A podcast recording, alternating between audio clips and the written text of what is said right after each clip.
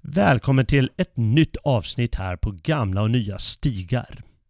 Idag för oss stigarna drygt 100 år tillbaka i tiden, närmare bestämt till 1915, då Europa står i lågor. Och då var det några svenskar som hade sin bestämda uppfattning angående frågan som titel på dagens program heter Borde Sverige gå med i kriget? Svaret de gav var ett rungande ja. Vilka var de då som tyckte detta och varför ville de det? De frågorna ska vi ta itu med i dagens program. Vi är i det här fallet jag, Jalle Horn och jag ser fram emot en spännande timme här. Hoppas du också gör det.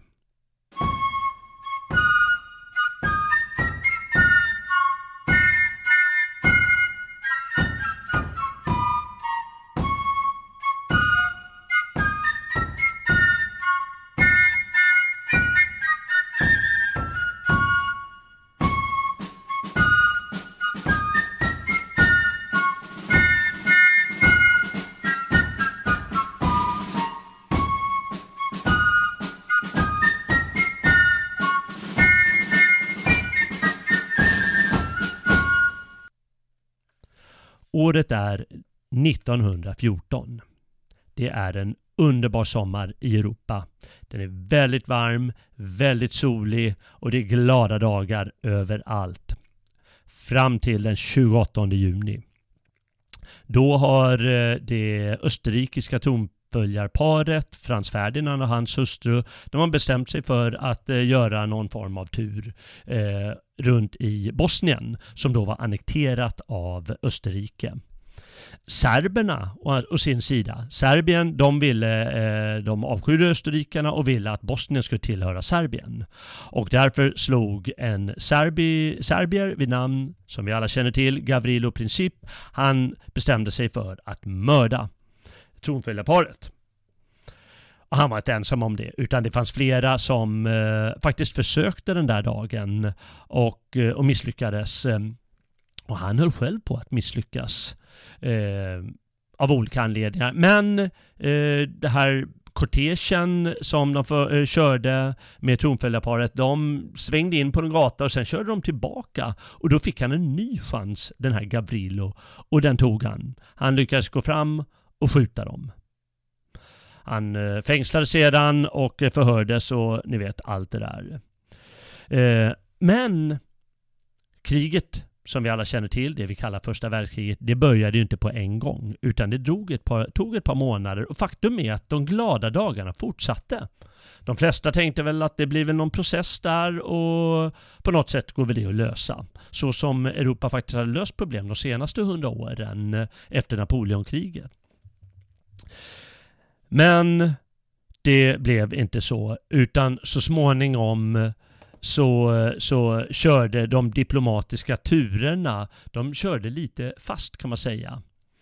Och eh, det, det hela bör, började kan man säga med att eh, österrikarna, de, eh, de vägrade eller de gick inte med på Serbiens invändningar mot ultimatum de ställt för att få sköta utredningar kring det här mordet. Och då påbörjade de en mobilisering och det skedde den eh, 25 juli.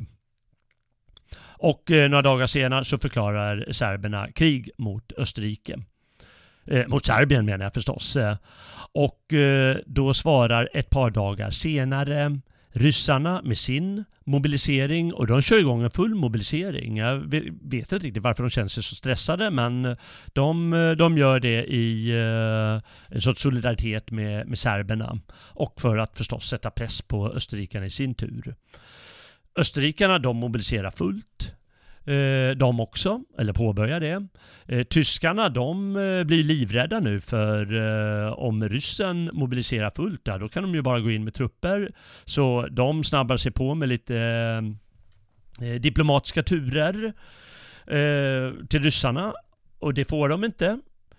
de provar med fransoserna också Eh, att eh, jag håller ner neutrala, för problemet då det var ju att eh, England och Frankrike och Ryssland hade ingått ett, en allians, den kallades Antanten. Det var engelsmännen och fransoserna som först kallade det för det. Men så hade de med ryssarna på ett hörn. Eh, fransoserna de, så, de skrattar åt det och tyskarna ser inget val annat än att mobilisera fullt den 1 augusti och förklara krig mot Ryssland rent av.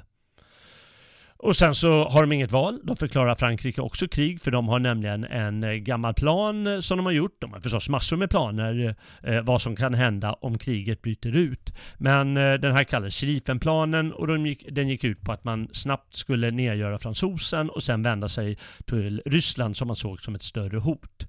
Och de marscherar in i Belgien som de också snabbt eh, förklarar krig mot. Belgien var neutralt då men det struntade de i. Eh, och Storbritannien som är i förbund med Frankrike ser inget val annat än att också förklara Tyskland krig och sen så också Österrike i krig. Och under den här så kallade svarta veckan så var alla i krig med varandra och vi vet ju hur, hur det slutade.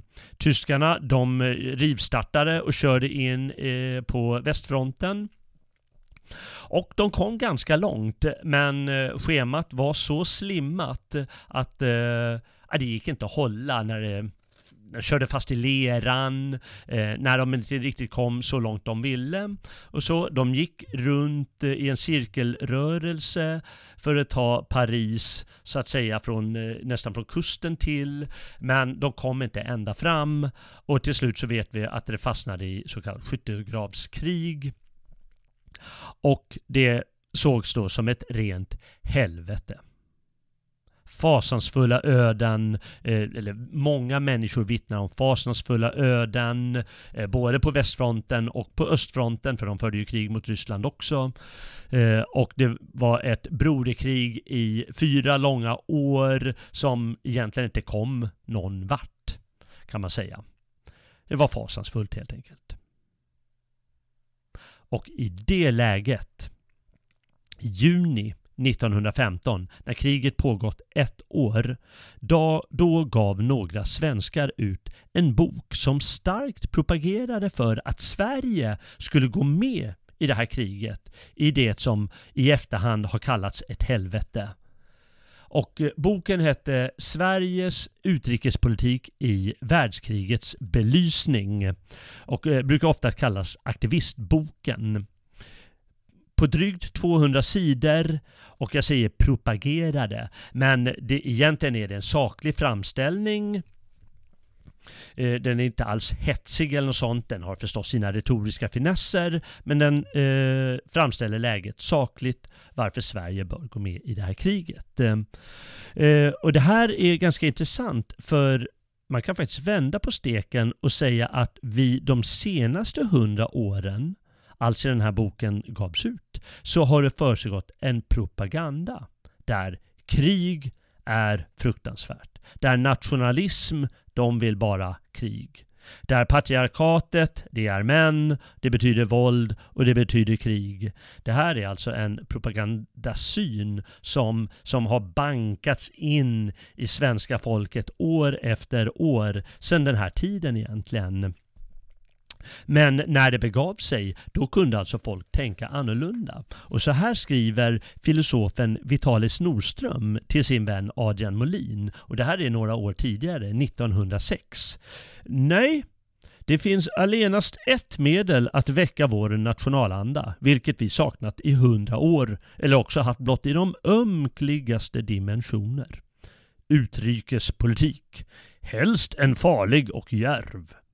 Den som kan skapa en utrikespolitisk affär som griper den svenska folksjälen i dess djupaste grund och ruskar upp den. Han är också den svenska statsenhetens och statsordningens nygrundare. Ingenting vore för oss lättsinnigare än att försumma tillfället till ett krig, helst ett farligt. Så sa alltså Vitalis Nordström till Adrian Molin. Eh, 1906. Vitalis Nordström han var en filosof eh, Han var, han var professor i filosofi i, Göteborg tror jag och varit det ganska länge. Eh, han var också den, vad ska man säga, andliga ledaren eller inspiration till en grupp som kallade sig Unghögern som Adrian Molin tillhörde och som ja, var, var väldigt främsta företrädare. Eh, och han var också huvudpersonen bakom den här aktivistboken. Två andra personer som skrev i boken hette Yngve Larsson och Otto Hjärte. Två socialdemokrater som faktiskt uteslöts för sin medverkan. Och det gjorde i bara förbifarten så eh, bestämde dess eh, mer eller mindre diktator eh, över socialdemokratiska partiet alltså att Gustav Steffen, eh, en annan sosse, han, eh, han skulle också utvisas. utvisas, jag menar uteslutas ur partiet. Eh, och så ännu en person som skrev i boken eh, var den berömda Rudolf Kjellén. Vi kommer till honom snart.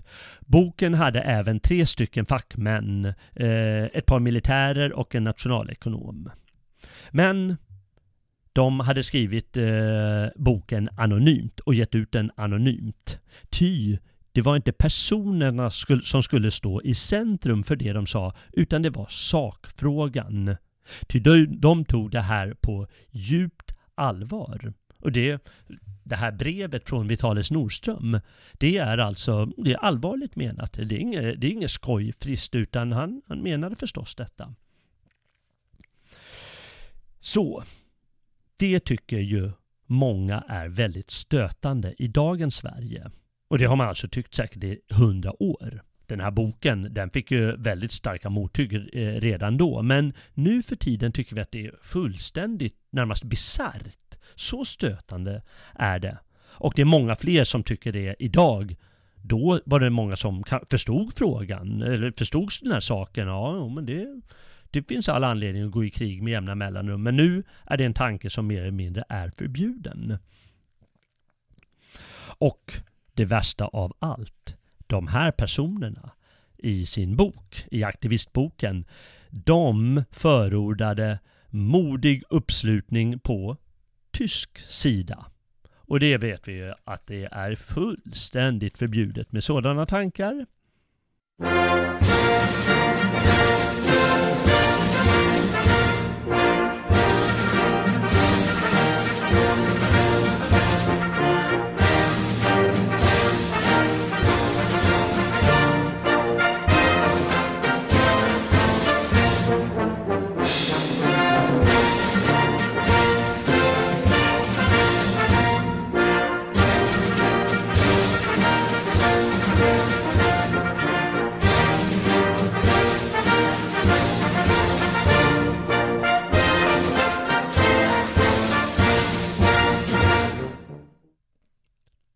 Men att finna något sådant förbjudet, att vara i allians med tyskarna eller att gå i krig, det är begrundanden som är helt ohistoriska.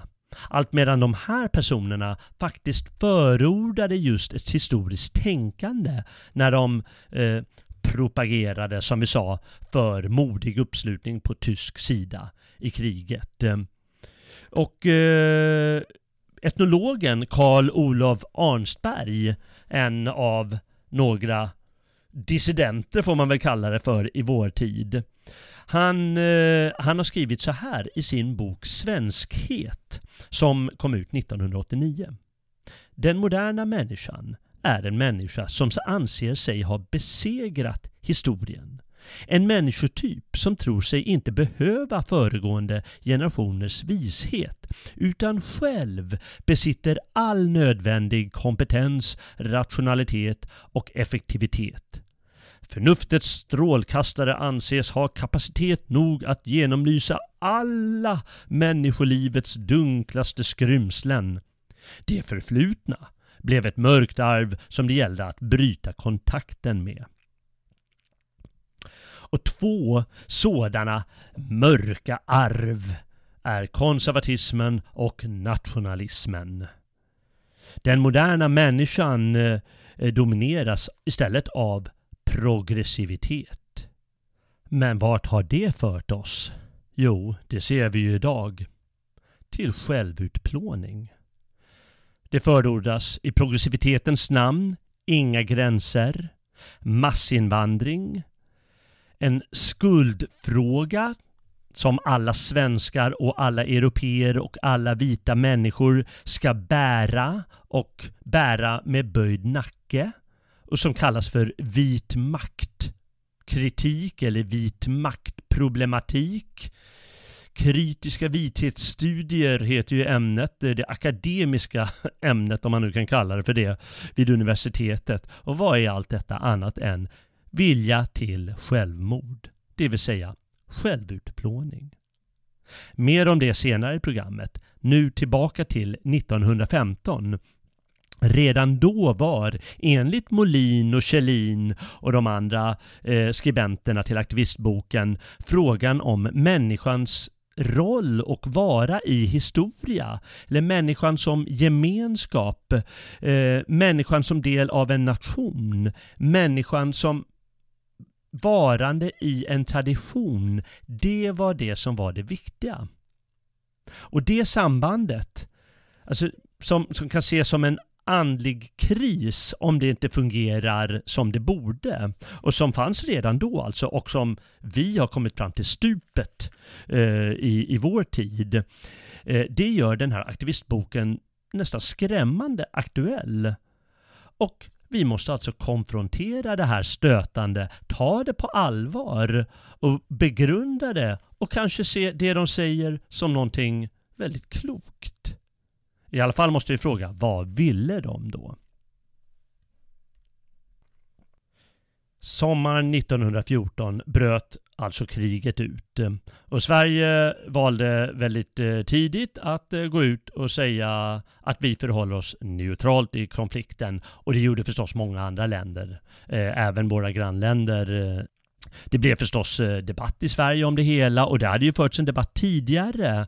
Eh, framförallt om det svenska försvaret som mynnade ut i, i Borgårdskrisen Borggårdskrisen som skedde alltså tidigare på året 1914. Och en inlaga i eh, den här debatten är alltså den här aktivistboken. Och de kallades just aktivister, den här gruppen, just för att de menar att Sverige måste agera.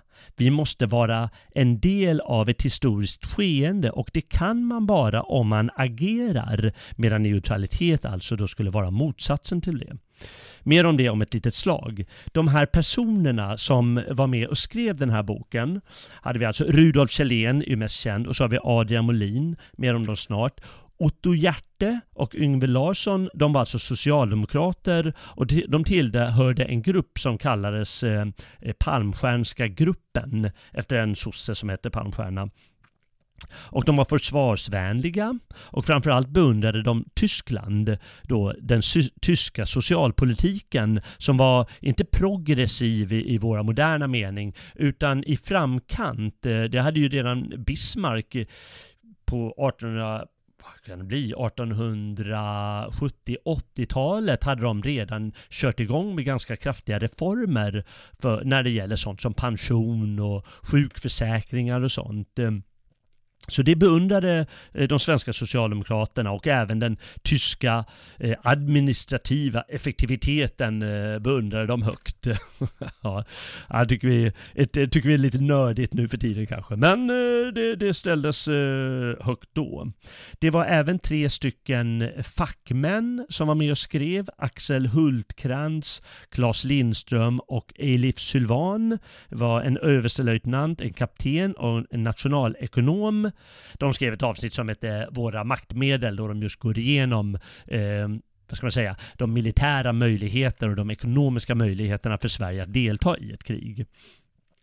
Men Rudolf eh, Kjellén, han är allra mest känd. Han eh, är eh, född 1864 och eh, han var ju redan då på sin tid världsberömd. Framförallt så, som fader till begreppet eller disciplinen geopolitik inom statsvetenskap och historia och dylika discipliner. Eh, I Sverige så myntade han ju både begreppet folkhemmet och eh, nationalsocialism, eller nationell socialism åtminstone. Han han var professor i statsvetenskap men även riksdagsledamot Han varnade tidigt för världskrig, att det, ja, men det kommer komma ett världskrig det här. Han var knappast ensam om det, men vi, vi, vi, såg hur det var glada dagar 1914 att folk tog lätt på det här. Men han var en av några som faktiskt tog ganska svårt, eh, eller varnade i alla fall för att konflikter kommer och går. Sverige menar han därför behöver samling. De behöver insikt i sin situation, sin geopolitiska situation bland annat.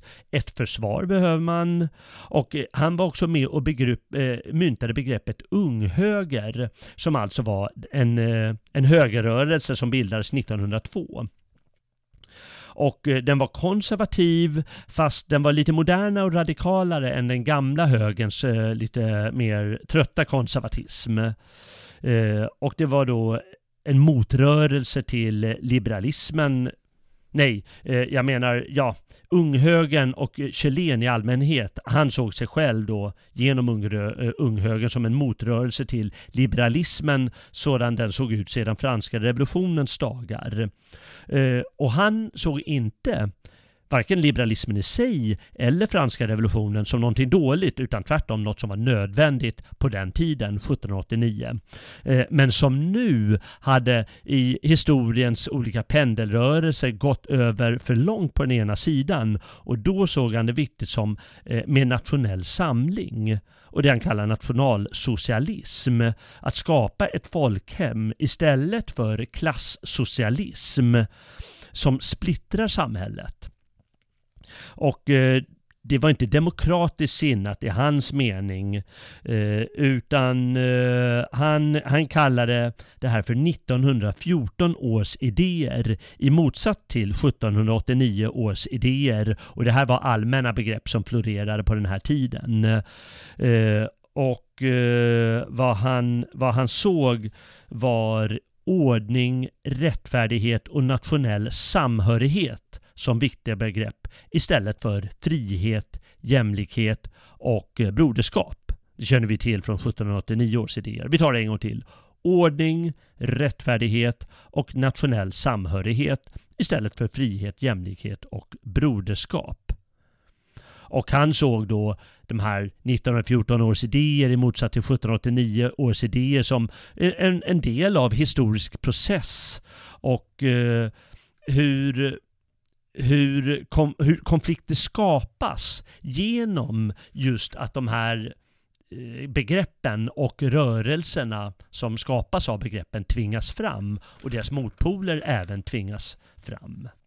Eh, man kan säga eftersom han ser det som en historisk process så ser han på något sätt hur, Eh, hur, historien är som livet självt. Det är fullt av puls och det går i vågor och det har sina faser. Eh, så vad han, vad han menar med nationalkänslan, att den är viktig, är liksom att det är nationens vilja till livet. Det är en förutsättning eller en kraft för nationens självbevarelse i historien som alltså är präglad av folkens ständiga kamp med varandra det kommer vi inte ifrån. Och nationalkänslan den bygger på, även på de gemensamma traditioner som finns hos ett folk vid en viss tidpunkt. Folkens egen art jämfört med andra människor på jorden. Och kriget är då helt enkelt historiskt nödvändigt. Det, går, det är ingenting som man kan undvika. Och tvärtom så blir det för folken kanske fostrande, rent av adlande eller härdande. En del av tiden som så att säga stärker den nationella känslan eller känslan för gemenskap folk emellan. Det här eh, har ju sin motsats i vad han då såg som kosmopolism, som han menade härskade på hans tid. Men kosmopolismen är då mer abstrakt. Den bygger på de universella värden som just skapades av liberalismen, som man då allmänt kan kalla det, som blev förhärskande i och med franska revolutionen. Och det var alltså en universell rörelse som menar att alla människor kan eh, skapa frihet och eh, broderskap och i slutändan fred. Men det är då enligt eh, Kjellén en illusion. Adrian Molin, han var väl eh, han var lite yngre, 25 år yngre. Han var född 1880. Och tillsammans med Kjellén så bildade han då stommen i den här göteborgska unghögen. Och det var ingen eh, direkt förening utan det var mer som en intressegrupp eller vad man ska kalla det för.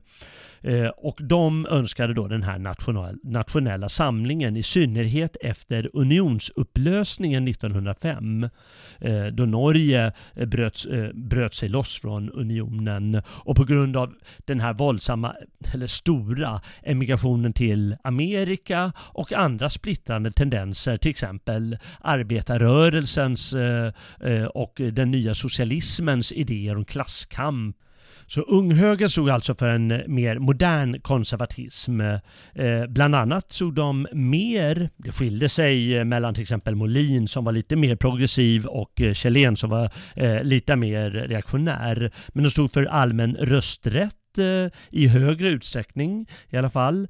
De, eh, de såg positivt på den tyska socialpolitiken som sagt. De menade att eh, småbönder, de skulle befrias från sina skulder. Storgods skulle styckas upp internationellt kapital, de kunde inte få styra över naturtillgångsindustrin i Sverige och det, det skulle helt enkelt föras en relativt statligt eh, eller aktivt statlig politik. Åtminstone i en viss tid till saker och ting såg lite bättre ut. Eh, Adrian Molin han grundade tidskriften Det nya Sverige eh, 1907 och eh, den präglades då av ett mer större samarbete mellan höger och vänsterkrafter och därigenom ville han få till en större nationell samling.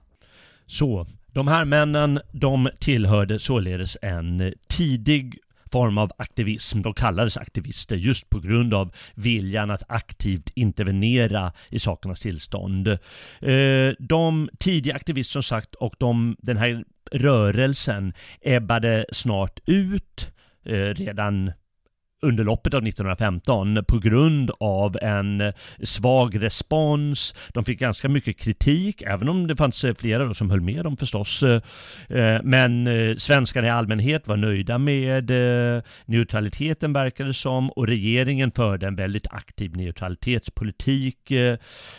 Ja, ungefär som idag är många nöjda med sakernas tillstånd fastän vi har en gal, galen socialdemokrati. Och det fanns tysksympatier i regeringen givetvis, men ändå fördes då en, eh, eh, en klar neutral politik eh, när det gäller utrikespolitiken. Och eh, de ebbade ut. Det kom en senare aktivistisk rörelse från och med 1916 och en tidskrift som hette Svensk lösen. De var mer eh, bara inställda på att hjälpa Finland så att det skulle bli fritt och sen så har vi ju senare aktivistiska eh, politiska inriktningar under andra världskriget eh, som också talar om Finlands sak, så som Molin till exempel gör. Men de, eh, 1915 förordade de som sagt att man skulle gå med i kriget genom den här så kallade aktivistboken. Och det är lite oklart vem som skrev vad i boken, men eh, eh alltså, forskare har kommit fram till olika saker. Eh, det kan vara detsamma. Vi tar det lite som, som det kommer här. Det finns eh, ett eh, ett kapitel, det finns först ett litet förord där det just står att, eh, att de förordar modig uppslutning på Tysklands sida i kriget. Eh, men sen så kommer då själva huvudtexten, först något som kallas förspelet och det är antagligen Rudolf Kjellén som har skrivit det. det fastän man har bråkat lite om vem som skulle ha gjort det. Men det påminner om Kjellén. Och eh, han ut han gör väl en sorts geopolitisk eh, analys av läget. Och hans huvudfråga är då, ska Sverige komma oskatt ur eh, krisen, eller kriget alltså, eller ska det komma sämre ut ur det, eller ska det få ett bättre läge efter kriget? För sakernas tillstånd kommer givetvis att förändras i och med eh, konflikten. Och då gäller det att rådfråga historien menar han konkret istället för någon utopisk dröm som man kan ha av vad som kan komma ut. Eh, till exempel någon form av Nationernas förbunds världsfredsidé eller något sånt där. Eh, så med sin geopolitisk analys så bygger den på att Ryssland strävar mot havet som de gjorde liksom årtiondena före kriget och Sverige står helt enkelt i vägen där.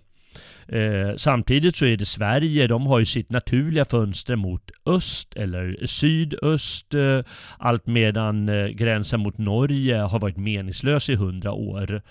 Eh, så det är ditåt man måste titta. Vad, eh, vad finns det att hämta där? Och då menar han att eh, istället för att man skulle ägna då den här västsidan, ha någon sorts gemenskap med Frankrike och England, så finns det en naturlig gemenskap man kan ha med Tyskland, som man har haft i, i många århundraden. Det syns ju på vårt språk om ett annat. Vi har haft influenser från Tyskland och vi har haft naturligt, både i krig och fred, eh, arbete, eller vad man ska säga, samarbete med eh, tyskarna. Och Sveriges uppgift, slår han då fast, är att eh, stå vakt mot den östra faran. Det är Sveriges naturliga uppgift, tycker han. Och eh, när det gäller England så kan man säga att Sverige har förlorat Finland 1809 och England 1905. Eh, eh, Norge 1905 och England gjorde inte ett smack på grund av det, utan man kan säga att det är på grund av dem. Och det finns då en tendens att engelsmännen, de verkar inte för Sverige. Jaha. Så menar han i förspelet. Och sen så kommer ett kapitel som troligen är av Adrian Molin. Och eh, där säger han att eh, ett lands eh, utrikespolitiska uppgift det är att Eh, trygga landbesittningar och suveräniteten. Det låter ju vettigt. Eh, Sveriges problem i sammanhanget är att de länge har varit drömmare. De har glömt att eh, hela tiden studera det konkreta läget. Man har fallit in i någon form av passivitet menar han. Och då förstår vi det här med aktivism och passivism. Och eh, det visar sig klart i Finland där vi nu länge har låtit och under krigets dagar när chansen finns har vi låtit främmande makt härska över både svenskar och finnar då. Och Finland har ju länge tillhört Sverige. Man har helt enkelt glömt sin nationalistiska plikt menar han. Finlands sak är vår sak eh, eh, menar han, eller skriver han, det är alltså ett citat eh, hämtat från boken. Och för Sverige och även för västerlandets skull måste Sverige fortsätta anamma den här plikten, den här nationalistiska plikten och det är en skyldighet menar han att våga och att offra någonting. Och i det här kapitlet som alltså heter Sveriges uppgift, då skriver han bland annat Denna nationalism är ingalunda alltid sympatisk i sina yttringar. Den kommer icke sällan i konflikt med andra makter, lika eller mera berättigade ur den mänskliga odlingens synpunkt. Men den fullföljer ett stort mål och den lever på en stark moralisk makt. Samma makt som låter föräldrarna draga försorg om sina barn. Folkets ansvarskänsla för de sina, för frändernas rätt att leva sitt liv, utveckla sina inneboende möjligheter att göra sin insats i mänsklighetens livsverk. Har vi svenskar ingen sådan känsla av ansvar för dem av vårt eget folk som förtryckas under främmande herrskap. Och då tänker han alltså på, på svenskarna i Finland och kanske finnarna också. Och längre fram skriver han det folk, det svenska folket alltså, skall också komma till att inse att även det har sin uppgift i världen. Det får icke isolera sig i räddhågad egoism. Även det har skyldighet att våga något och offra något. Att det är just genom att fylla sin plikt, taga sin börda på sig och bära henne, som ett folk, liksom en enskild, hävdar sin rätt till livet. Så vad det handlar om är alltså att handla nu eller skjuta upp på nästa generation. Känner vi igen det? Det är alltså samma tema som vi, eh, som vi hanterar Sverige, Sverige och Sveriges befolkning av idag. Vi har en förmåga att ja, låt dem styra och så ser vi vad som händer. Och nästa generation, ja de är färre och nästa generation är ännu färre svenskar så är Sverige med, med det eller det svenska folket uppätet av invandring eller andra problem. Men åter till eh, eh Molin och dem. Så man ska alltså säkra den svenska kulturens eh, och svenskarnas, det svenska folkets ställning för den unga generationen vars rätt det är att leva i ett starkt Sverige. Det är eh, Molins eh, sätt att se på saken och lägga fram eh, det hela. Och han tänker sig rent av en ny form av skandinavism. Eh, de, egentligen, de var helt emot skandinavismen och pratade illa om den eftersom eh, den hade visat sig bara vara en koloss på lerfötter eller vad man ska kalla det för. Det var bara stora ord i mitten av, eller, ja, mitten av 1800-talet och det blev ingenting av den, eh, eh, någon form av skandinavisk union eh, mellan de tre skandinaviska länderna utan det ebbade ut så fort det började stå på spel, nämligen Danmark togs in i krig med Preussen. Eh, men han tänker istället en form av skandinavism där, där Sverige genom sitt kraftfulla eh, agerande under kriget ifall det lyckas, då skulle få en ledande roll och då skulle den rollen kanske stagas upp av Norge och Danmark. Och eh, det skulle den kunna få genom att just gå med i kriget med Tyskland mot Ryssland. Mm. Det var Molins del. Eh, sen så kommer eh, ett par kapitel av eh, vad heter de, eh, herrarna Larsson och Hjärte, Socialdemokraterna som blev utslutna ur sitt parti. Eh, och det är ett par kapitel som heter Våra politiska förbindelselinjer och världskriget som kulturkamp. Och de vill visa att stödet från Frankrike och England, eh, det finns inte att eh, förvänta sig och hämta av geopolitiska skäl. Och eh, de är noga med att betona att det inte är några moraliska skäl de lägger. Eh, England och Tyskland och Ryssland och så vidare, de drivs alla av en maktfilosofi. Eh, de grundar det hela på någon form av realpolitik där alla av naturlig instinkt söker, söker sin hävd att hävda sig på bästa sätt och få det bästa läget för nästa generation. Eh, svensk politik, eh, de har tänkt utrikespolitik passivt neutralt istället, istället för aktivt menar de här killarna. Eh, och en aktiv politik försöker just skapa gynnsamma lägen och där menar de, drar de slutsatsen att Sverige länge har, eh, de har, det har rått brist på nationell instinkt och tradition. Eh, men att hjälpa Tyskland, det skulle skapa ett bättre läge, allt medan passiviteten, eh, den den skulle göra att ingen bryr sig om att hjälpa Sverige om till exempel Ryssland skulle vinna i det här kriget eh, och rent av vill expandera sitt område. Istället, om man ingrep, då kunde man få ryssen att få en mer, som de kallar det, naturlig uppgift att vända sig mot Asien istället för norra Europa. Eh, och det skulle då kunna göras genom att gå med Tyskland. Eh, och det viktigaste är just att passivitet innebär fara med dem, allt medan handling är någonting bra. Och då refererar de till exempel till Gustav II Adolfs dagar då Sverige också stod i valet. Ska vi invänta kejsarens trupper eh, till, som höll på att bygga flottor alltså i eh, Östersjön och Nordsjön? Eller ska vi aktivt åka ner till Tyskland och eh, göra vår insats där? Och det visade sig att gå vägen.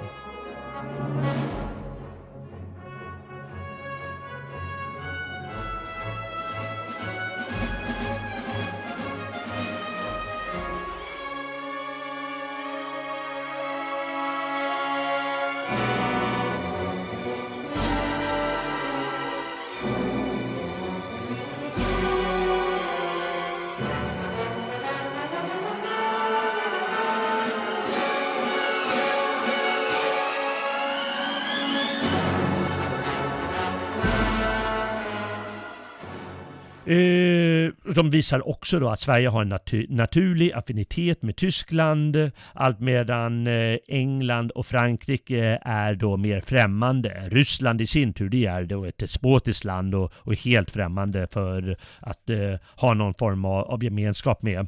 Eh, fast svenskarna har då i svärmeri målat upp just England och Frankrike som någon sorts universella exemplar på det goda och framgångsrika styret. Eh, eh och de, de är lite retoriskt grova kan man säga, men eh, jag tycker ändå att det visar ganska, eh, de visar framåt i tiden, hundra år framåt mot vår tid, då vi har en meningslös vurm jämte mot FN och, och liknande organisationer som då så att säga skulle ordna upp allt till det bättre. Men det är bara, menar de, eh, drömmar och det är eh, Eh, det, det, har ingenting med det liksom realpolitiska läget att göra. Så resonerar de om den saken. Eh, Molin, han har sedan ett eh, slutord i boken. Och det är, det är lite oklart exakt om det bara är Adrian Molin eller om han har gjort det med någon annan, men det spelar ingen roll. Vi, vi låter det tillfalla honom nu. Det, det faller sig naturligt eftersom han var den ledande kraften i den här boken, att han har då slutkapitlet. Och eh, i början av det säger han rent av, i Sverige träffade världskrisen ett folk utan samlande utrikespolitiska mål, utan den karaktärens styrka och spänstighet som vinnes under härdande kamp för rikets uppgifter, drivet i olika riktning av sympatier och antipatier och av privatekonomiska hänsyn, splittrat slutligen ända ner i sina rötter av ett partiväsen som sträcker sig även till det utrikespolitiska ställningstagandet. Känns detta igen, mina herrar och damer? Mina damer och herrar menar jag. Eh, ja, vi känner igen det även idag. Och ehm, eh, vi kan återkomma till det snart, men han förordar alltså en stark neutralitet istället för en svag neutralitet.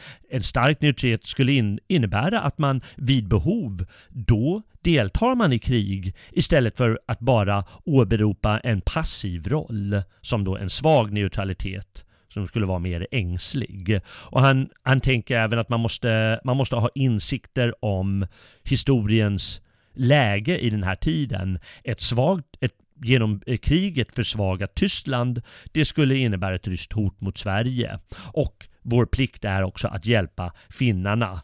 Och han har några sköna eh, citat som jag tänkte att, eh, eller några ställen som vi kan citera ur boken. Att vår uppgift är att rädda vårt land och vår kultur till våra efterkommande som kräva detta av oss och ha rätt därtill, men inte komma att känna sig vara något tack skyldiga för att vi lät slakta vår ungdom i en kamp som vi först genom en förvänd politik gjort utsiktslös. Alltså ifall Tyskland då skulle gå förlorande ur kriget och så stormar ryssarna in, tänkte han, ja då då måste vi försvara oss, men då har vi ingen chans och då går ungdomen under. Och då då är inte de skyldiga något tack oss, utan tvärtom så har de allt att anklaga oss för. Eh, och han går vidare eh, och säger att eh, eh, det gäller för ett folk som för den enskilde att göra sin plikt och ta följderna. Det är den enda vägen att bibehålla sin självaktning och sin rätt till livet. Livet i en annan mening än kroppens vegeterande. Vi måste själva styra vårt öde. Och slutligen säger han att vi måste åter minnas att Sverige är något som står över allt annat. Det pockar och prutar icke som de politiska partierna. Det fordrar och befaller. Det enda nödvändiga är att Sverige lever, icke att vi leva. För den svenska kulturens trygga och fria fortbestånd bära vi ansvaret, skyldiga att, om det kräves, besegla det med vårt blod, nu liksom i svunnen tid. Det var alltså Molins slutord ur aktivistboken på drygt 200 sidor. Och eh, om man ska dra några sorts eh, slutsatser om deras syn på nationen och folket och historien och så, så är det givetvis det här aktivismen. Att leva är att agera. Men i sin tur för att agera rätt, då måste man förstå sin situation och sin tradition det vill säga där man lever både tidsmässigt men också liksom med de traditioner som existerar för det specifika folket. Och det kräver en känsla för realitet istället för drömmar och utopier. Ungefär som 1789 års idéer, de kanske var en reella 1789, men nu är de inte det i Kjelléns mening, utan nu är det andra krav som gäller, andra realiteter som gäller. De har bara blivit utopier, det här med broderskap och jämlikhet och så vidare. Man måste således ha en förståelse av tiden, av historien. Och vi minns när jag började eh, eh, citera eh, Arnsberg att han säger att vi har blivit historielösa i den meningen att vi inte förstår historien utan har kastat historien på skräp, historiens skräphög. Men han säger att vi måste förstå tiden, vi måste, måste förstå oss och vårt läge och de kommande generationernas läge. Eh, inte oss så som individer utan mer allmänt den svenska kulturen. Det är det viktiga. Och att bevara den traditionen. Inte besvara mig som individ. Utan den här större traditionen, det är det som gör just att jag kan förstå min omgivning och mitt folk. Eh, och eh, han säger att det är nödvändigt eh, det här. Det är, liksom, det är någonting vi ärver helt enkelt. Och det ärver vi av nödvändighet. Jag menar, jag kan ju inte förneka min eh, mor och far. De, de eh, uppfostrar ju mig. Och uppfostringen sker då i, i hela landet eh, på ett lika sätt. Och det här är någonting vi alltså måste förvalta med plikt, säger han. Och då har vi idén om nationalismen som genomsyrar de här herrarna. Och, och viktigt är att inga garantier ges sådan är historien. Den är grym som ett framrusande tåg. Det är bara utopiska drömmar att tro att det finns några garantier. Och det är den världsbild som säljs till oss av dagens politiker. Så det, det är återigen något som knyter det hela till vår tid. Tvärtom menar de att eh, livet och historien är inget annat än kamp. Och det är därför realpolitiken är så viktig. Och det är därför eh, Molin och Kjellén säger att tidens lösen är makt. Och för att klara, eh, klara det här, alltså att lösa läget, då gäller det att förstå situationen och läget och tiden. Och då säger de vi måste gå med i Tyskland i kriget. Men viktigast är ändå, en viktigast slutsats att dra tycker jag är ändå att vänstern menade de då, den tror på passivitetsprincipen. De tror på evig fred, demokrati, klassupplösning, könsupplösning. Ni hör ordet upplösning va? Idag gäller alltid upplösning av gränser, folk, kön och så vidare. För ett par hundra år sedan under romantikens dagar, då tänkte man alltså förening av motsatser som man och kvinna och så vidare. Men nu handlar allting om upplösning upplösning. Och det är någonting som de redan förstod, de här herrarna, för hundra år sedan. Eh, den här idén som vänster har med passivitet är bara en bluff i tidens realitet. Det leder bara till undergång genom passivitet. Idén, drömmen är hämtad från ett hinsides rike och, och det är därför man till slut drabbas av rädsla för verkligheten och det leder till undergång den dag man blir rädd. Motsatsen menar de är att tackla verkligheten och dess kamp och vara aktiv i den, att vara livskraftig. Och de, min, de finner möjlighet för detta i nationell samling. Och om man ska gå vidare på slutsatser som vi kan dra idag av det här så, så är det givetvis en sak är att Molin, Kjellén med flera, de hade fel på en punkt. Och det var att eh, den ryska faran, den, den visade sig inte realiseras 1918, när, eh, i slutet av 1918 när kriget tog slut. Tyskland blev väldigt svagt. Men Ryssland blev också svagt på grund av revolutionen där och Finland blev snart en självständig stat. Och därmed slapp man då den här eh, framrusande faran av ett, expanderande Ryssland mot havet.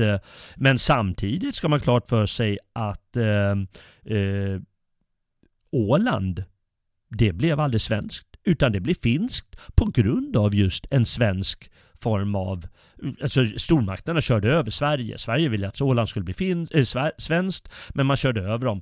Kanske på grund av vår passivitet. Eh, eh vi har eh, att eh, 25 år senare då vet vi då, Ryssland, det nya kommunistiska Ryssland växer starkt igen och har tack och lov inte Finland, men hela Östeuropa och är en gigantisk fara. Och eh, likväl så när man ser liksom med de här 25 år längre fram så har de ändå hånats och häcklats många gånger eh, de här herrarna Kjellén och Molin och försvunnit ur historieskrivningen och politiken. Men det är inte små detaljer som är det viktiga i det här sammanhanget utan idén och uppgiften de ålägger. Och vi idag är beviset på att de där i hade rätt. I en bok som heter Vad är Sverige? Röster om svensk nationell identitet skriver militärhistorikern Alf V Johansson bland annat Människan strävar efter att vinna ära och undvika ångest. Den svenska nationen satsade på det sistnämnda efter andra världskriget. Den satsade på att undvika ångest istället på att vinna ära. Och vad är det annat än ett tecken på passivitet och tillit till svaghet istället för styrka? Och han säger också i samma kapitel att Sverige har förlorat sin inre kompass. Eh, en, en metafor vi väl känner igen och att Sverige alltså har blivit kraftlöst. Och vi känner ungefär igen samma föreställning som det vi hörde 2014. Att när vi inser att det håller på att gå åt peppan. Då säger statsministern, som i och med att han avgår, Sverige är en humanistisk stormakt. Att det skulle vara det viktiga. Istället för att pliktmässigt värna det egna och ta svåra beslut och göra någonting åt dem, att aktivt ingripa i problematiska skeenden. Och inrikespolitiskt har det ju gått tvärt emot vad Molin och Kjellén eh, och Yngve Larsson och Otto Hjärte och vilka nu var som samarbetade, vad de eh, önskade sig Eh, både socialdemokrater och de här höger, eh, mer eh, riktigt högernationalister. Ett enda undantag tog det vara den militära kapacitet som byggdes upp efter 1945 men när luften väl gick ur den 19, i början av 1990-talet, då var det en ballong som pöste ihop eh, på nolltid. Vi har alltså haft en socialliberal ideologi, bitvis med klar tonvikt på socialism. Vi har en rationellt, eh, ett rationellt välfärdssamhälle vi har en egalitär kultur. Vi har en idé där att den svage ska stå i centrum av hela det här samhällsbygget. Vi har ett, alltså, ett skyddsnät, en idé om ett skyddsnät från födelsen till graven som just ska göra att medborgaren kunde undvika ångest. Det är bland annat den bilden som eh, Alf Johansson målar upp om jag minns rätt i det här kapitlet. Eh, Konservativa och nationalister, de talar om plikter, ära och styrka. Det är någonting, alltså det är begrepp som blir förbjudna i det här bygget. Istället är den stora idén och all känsla läggs på progressivitet. Det är den identitetsskapande, eh, det identitetsskapande fenomenet i, i vår tid efter eh, andra, andra världskriget kanske man kan säga och som är, bildar identiteten hos den moderna medborgaren. Och det, där måste det förflutna strykas. Det är nämligen i vägen. Det må rensas ut.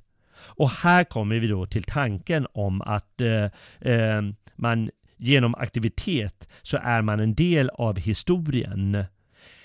Och det är då den andra sidan, men den här progressivitetstanken, den, den närs istället av drömmen om passivitet i den bästa av världar. Det är det den försöker uppnå även om den liksom är aktiv på vägen dit, så, så genomsyras den idén om, av idén om att människan kan vara passiv, för vi skapar den bästa av världar. Och då är all form av historia och därmed aktivitet onödig. Det här är en falsk dröm. Ty att vara uppfylld av enbart nuet och kanske framtiden, eh, det är en bräcklig position. I Sverige har det sam samhällsbygget och den här moderna människans identitet, den har skapats genom puritanska ideal om skötsamhet och arbetsamhet och det kräver i viss mån i alla fall försakelse av det liberala samhällets frestelser eh, även då den nationella yrans befrielse. Och då skapas en individ som liksom, en sorts självdisciplinerad och har samvetstyngd och skuldmedvetenhet. Eh, eftersom vi, vi måste upp vi, söker efter drömmar att uppfylla. Men om vi eh, släpper loss allting, ja då kommer vi inte, då kommer vi inte uppnå det. Vare sig i nationell yra eller någon sorts eh, amerikansk eh, amerikanskt slöseri eller självhävdande. Den svenska eh, individualismen, den fick i alla fall inte ta sig sådana självhävdande uttryck utan med rationell självkontroll som vapen mot aggressioner och konflikter skapades då medelmåttans hegemoni där alla aristokratiska idealer är en dödssynd. Svensken, han kan visa sig stolt över sitt land och hävda sig, men bara på ett sätt. Det kollektiva erkännandet, stoltheten över det moderna projektet. Och det känner vi igen, den humanitära stormakten. Ja. Men de hävdvunna och traditionella nationella idealen, de hade man lämnat bakom sig. Heidenstam samlar idag damm, firandet av Gustav II Adolf och Karl XII, det har upphört. Allt medan andra länder faktiskt fortfarande firar nationaldagar med ritualer som kransnedläggningar vid krigshjältar eller nationalförfattare och så Eh, och koncentrerar undervisning i, i humanistiska ämnen på nationens figurer. I Sverige Karl XII undervisningen, det ska man vara försiktig med. Men så, som man fortfarande gör i vissa länder så är det alltså ett konkret sätt att uttrycka den nationella sammanhållningen. Att finna nationell ära i det förflutna, det blev i således i Sverige bortrationaliserat. Och det är därigenom den här inre kompassen har försvunnit. Det är därigenom handlingskraften är borta. Men vad ska du med det till? Med ära bygger man inte det här förnuftiga samhället. Så tänker det moderna samhällsbyggandets, jag vet inte, socialingenjörer eller vad de kallas för.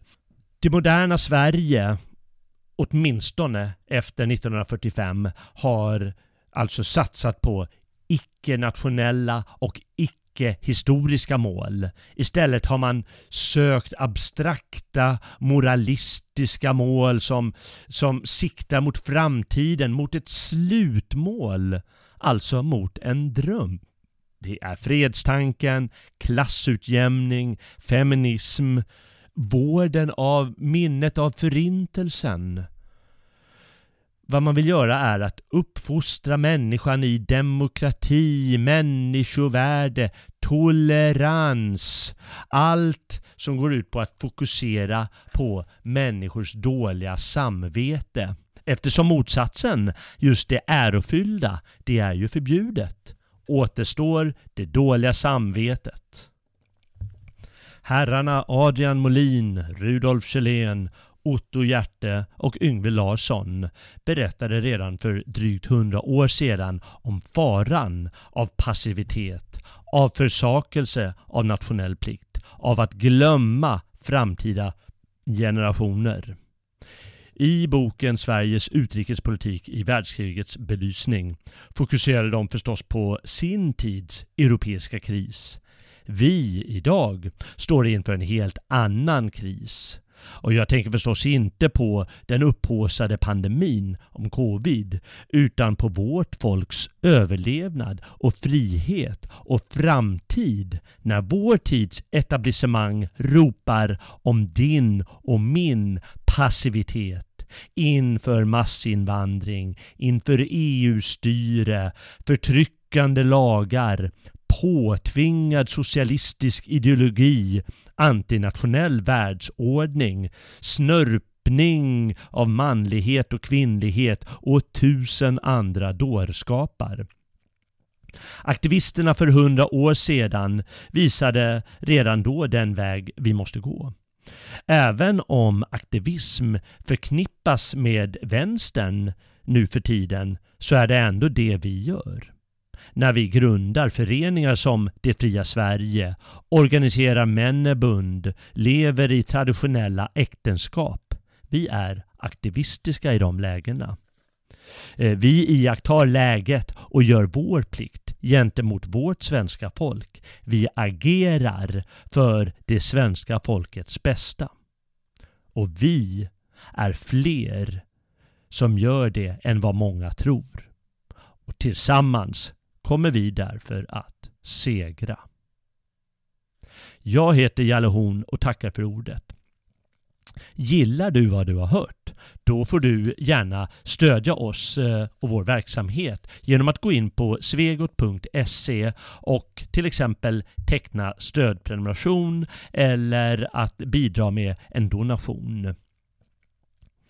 Eh, jag hoppas att eh, du som har lyssnat också vill vandra vidare på gamla och nya stigar nästa vecka också. Till dess, väl mött frände.